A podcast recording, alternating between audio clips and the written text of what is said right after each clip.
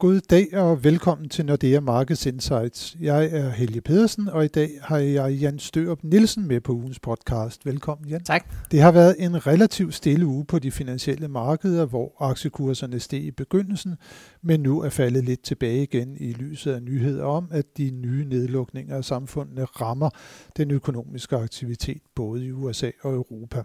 På den anden side er renterne også steget på baggrund af forventninger til en stor ny amerikansk hjælpepakke under den nye præsident Biden, ligesom råvarepriserne også er steget markant. Det løfter inflationsforventningerne i markedet. Og Jan, stigende renter ser vi i udlandet. Det øh, slår jo også igennem herhjemme. Ja, det gør det i hvert fald, i hvert fald til dels. Øh vi har set uh, en relativt kraftig stigning i de lange amerikanske renter, og så har vi så set, set sådan en lille afledt effekt uh, ind, på, uh, ind på de lange danske renter, som ligger lidt højere, end, end da vi gik ind i året. Uh, og jeg tror sådan set, det er et tema, vi kommer til at se igennem hele året. Jeg tror på, at de amerikanske renter, de kommer højere, blandt andet som du nævnte i din indledning, fordi man kommer til at bruge rigtig, rigtig mange penge på, på finanspolitikken. Og det kommer altså også til at give en afsmittende effekt over på Danmark det er ikke noget, at det bliver en eksplosion i de lange renter, men, men vi kommer til at trække højere hen over året, tror jeg. Så lidt højere renter hen over året i den lange ende. Hvad med de øh, korte renter? Jamen, de kommer til at ligge fuldstændig flat. Altså, de, de korte renter har den europæiske centralbank fuldstændig styr på. Øh, de kommer ikke til at sætte renten op øh, før om rigtig, rigtig lang tid. Og Nationalbanken skal sådan set heller ikke noget. Det kan godt være, at kronen er lidt stærk lige nu, men øh, hvis, den bliver, hvis der kommer et yderligere pres for, at den skal styrkes, så vil de klare det ved intervention. Så det vil sige, at Nationalbanken, sådan som vi ser det, kommer til at ligge på de her minus 0,60 øh, i en lang periode fremover. Det vil ligesom være sådan et solidt anker for de korte renter, men for de lange renter, der, øh, der vil vi nok se, at de kommer til at bevæge sig lidt højere. De kommer til at bevæge sig lidt højere, siger du. Så det er noget, der måske fortsat vil kunne understøtte den udvikling, som vi har set blandt andet på, på det hjemlige boligmarked? Ja, altså den gode nyhed er jo, at de her øh, rentestigninger bliver ikke så kraftige, så den sådan for alvor vil slå opsvinget ihjel, øh, og specielt heller ikke på boligmarkedet. I hvert fald ikke, i hvert fald ikke øh, i 2021. Det kan godt være, når vi kommer ind i 2022, fordi der begynder vi jo også at kigge lidt mod, at der måske kunne komme en amerikansk renteforhøjelse. Så der kan det godt være, at det kommer til at gå lidt stærkere med, med den opadgående bevægelse i de lange renter. Men altså, vi har nogle ekstremt lave finansieringsomkostninger, og det er jo noget af det, som har virkelig været med til at hjælpe boligmarkedet, øh, og ikke mindst under coronakrisen. Ja, fordi boligmarkedet har jo haft det forrygende. Øh, dansk økonomi kom så også meget godt herhen over i hvert fald tredje kvartal øh, sidste år. Men så kom så de nye nedlukninger af, af samfundet, og vi har fået en lidt svær begyndelse på det nye år. Vi ved, at arbejdsløsheden den er begyndt at stige øh, igen. Det, det ved vi fra de tal, der kommer hver uge fra Jobnet. Men alligevel så så vi i går, da vi fik øh, data for forbrugertilliden, at den ser ud til, at den holder sig pænt intakt. Øh, der er ikke rigtig nogen øh, stigende bekymring i, i husholdningerne for de nye nedlukninger, ser det ud til? Nej, og jeg tror rigtig meget i modsætning til, da vi blev ramt for et år siden, eller øh, ja, knap et år siden, der, øh, i februar-marts sidst, der var, der var vi alle sammen sådan lidt i granatchok. Vi vidste ikke rigtigt, hvad pokker det var, der havde ramt os, hvorfor vi, eller vi, vi kunne godt se begrundelsen for, hvorfor det hele skulle lukkes ned, men vi har aldrig prøvet det før, så det var sådan en helt ny situation. Den her gang, jamen, der har, vi har jo prøvet det en gang før, det vil sige, husholdningerne, virksomhederne har, har prøvet det og har, har den her gang været meget bedre til at tilpasse sig. Vi har også set en, en hurtig genstart af alle de her hjælpepakker. Det skulle jo også først øh, sådan ligesom etableres tilbage sidste år. Øh, der har man sådan det bare skulle trykke på knappen, så har man fået dem øh, genetableret. Øh, og så er der jo det her store vaccinehåb, som også er markant anderledes end, øh, end, end sidste år. Altså vi går jo alle sammen bare og venter på, at vi, øh, vi får et, øh, en besked i vores e-boks, så vi kan komme ned og få det her stik. Øh, og hvis ellers myndighederne de, øh, de lykkes med at få vaccineret alle dem, der har lyst til at blive vaccineret inden, inden sommeren, jamen så er det jo, man, man ligesom godt kan se igennem den her svære periode, og ligesom sige, der, der venter et, et, et, øh, et godt og varmt forår lige om lidt. Øh, så det er nok også noget af det, som er med til at holde humøret op i husholdningerne. Ja, når man ser sådan på tallene, så mener jeg, husholdningerne jo, at deres sådan egen økonomiske situation, den er rigtig god nu. Den er faktisk bedre, end den var for et år siden, og vi har været igennem et år med en, en sådan uh, dyb uh, nedtur i, i, i dansk økonomi. Vi har jo også fået de her feriepenge uh, udbetalt. De har vel også været med til at understøtte uh, husholdningerne, og dermed den, sådan den underliggende, kan man godt sige, optimisme. Jamen det har det bestemt, og de lave renter, som vi snakkede om, har jo også hjulpet. Altså, så der er rigtig mange ting, der ligesom er gået husholdningernes vej. Og selvfølgelig er der en gruppe øh, af danskere, som er blevet rigtig, rigtig hårdt ramt af, af krisen. Dem, som arbejder inden for nogle af de brancher, som er blevet tvangsnedlukket. Øh, det er klart, for dem har det bestemt ikke været en, en sjov krise, øh, og de er også ramt på pengepunkten. Men for, for mange andre grupper, jamen der har, der har man jo sådan set ikke rigtig mærket krisen. Øh, dem, der har, øh, er blevet i beskæftigelse, jamen for dem, jamen de har fået øh, stadigvæk de her lave renter, de har fået udtalt deres feriepenge. Øh, de har ikke kunne bruge så mange penge, fordi at, øh, der ikke, har ikke været så meget at bruge dem på. Øh, så, så når de kigger på deres egen bankkonto, jamen, så ser det jo rigtig fornuftigt ud. Øh, og så er der også det, altså her øh, udgangen af marts, så får man de sidste to ugers øh, indefrosne feriepenge, så der, der er sådan set masser af penge i husholdningerne, eller i langt de fleste husholdninger.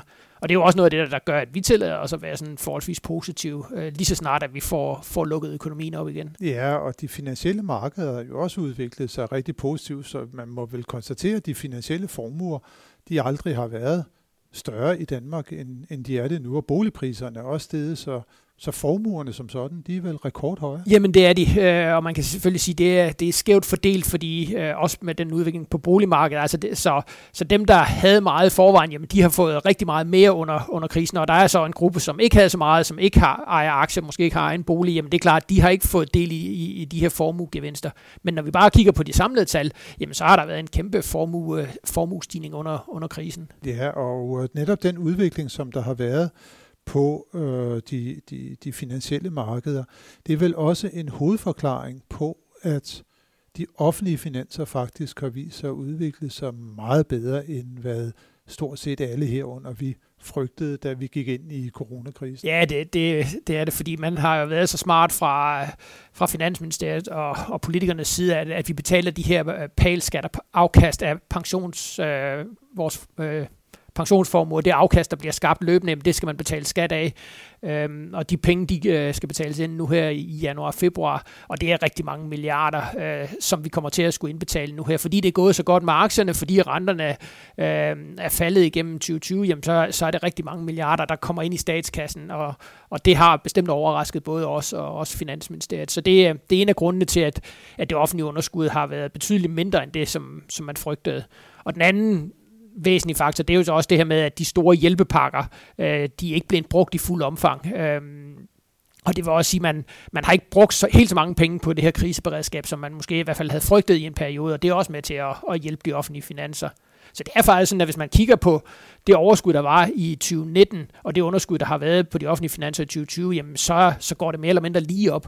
Øh, så hvis man bare tager de to år under et, jamen så har der sådan set ikke været noget underskud på, på de offentlige finanser i Danmark. Så øh, vi kan sige, at øh, udviklingen på de finansielle markeder, det er faktisk noget, som ja, hele Danmark skal være super glade for. Også dem, der måske ikke direkte har fået del i de formuegevinster, vi snakkede om før, men det er bestemt gjort af sådan den den vores fælles kasse, samfundskassen, den ser meget bedre ud, end den ellers havde gjort. Jamen helt sikkert. Så, så både for, for den enkelte dansker og, og sådan set også for finansministeren, der er det rigtig godt, når det, når det går så godt på de finansielle markeder, fordi det skaber noget formuegevinst, og det skaber så også nogle ekstra penge ind i statskassen. Det har jo så gjort, at vi sådan ligesom kan sige, at vi har råd til at øh, håndtere coronakrisen, men på den anden side er der jo også en en form for en offeromkostning for alle de penge, som der trods alt er blevet kastet ud i form af kompensationsordninger osv., nødvendige som de har været, men det var jo penge, som der måske ellers kunne være blevet benyttet til for eksempel den øh, grønne omstilling, eller hvad man ellers har ønsket sig af mere velfærd til borgerne fremover. Jamen helt sikkert, og vi kommer jo ud, altså vi kommer ud på den anden side af krisen med en højere offentlig gæld, end, øh, end vi ellers ville have gjort. Øh, og selvfølgelig, hvis man kigger internationalt på det, jamen, så ligger vi stadigvæk lavt, men, men det er klart,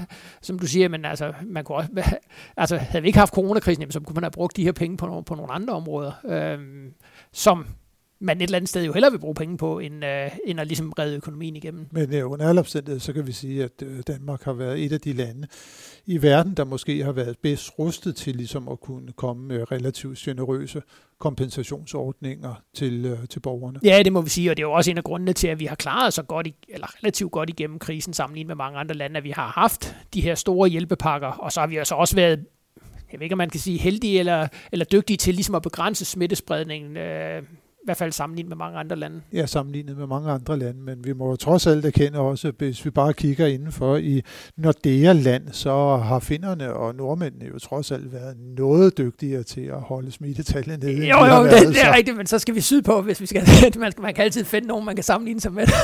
men det er rigtigt, hvis vi sammenligner os med, med flere af de sydeuropæiske lande, så har vi klaret os markant bedre. Så har vi klaret os markant bedre. det det. Men øh, så langt, øh, så godt, øh, Jan. Vi kan jo også afsløre nu her, at øh, vi jo faktisk kommer med en ny øh, økonomisk prognose øh, for ja, både dansk og international økonomi her på onsdag i næste uge. Vi kan jo ikke rigtig helt sidde her og afsløre øh, sådan de tal, som vi kommer ud med, men øh, jeg tror allerede nu, at du har løftet i hvert fald lidt af sløret for, at vi er sådan relativt optimistiske, og i 2020 måske endte øh, bedre, end, end, end man kunne have frygtet. Ja, det er vist en øh, færre konklusion. Det er en færre konklusion.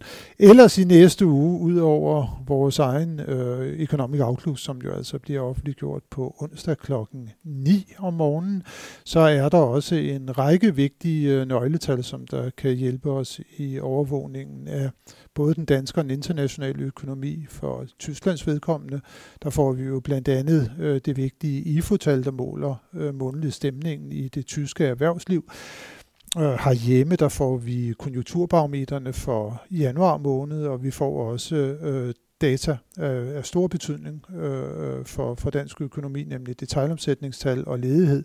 Begge tal altså for december måned øh, dem får vi offentliggjort i næste uge, og så er der så et øh, vigtigt rentemøde også i den amerikanske forbundsbank den 27. januar. Det er altså den selv samme dag, den selv samme onsdag, som vi offentliggør øh, Economic Outlook øh, på. Så øh, endnu en gang så står vi over for en interessant øh, uge. Vi glæder os i hvert fald øh, til den, og øh, siger tak for nu, øh, både til dig, Jan, for at være med, og tak til alle jer, som har lyttet med. Det håber vi også, at I vil gøre, når vi er tilbage igen øh, i næste uge med nyt fra de finansielle markeder.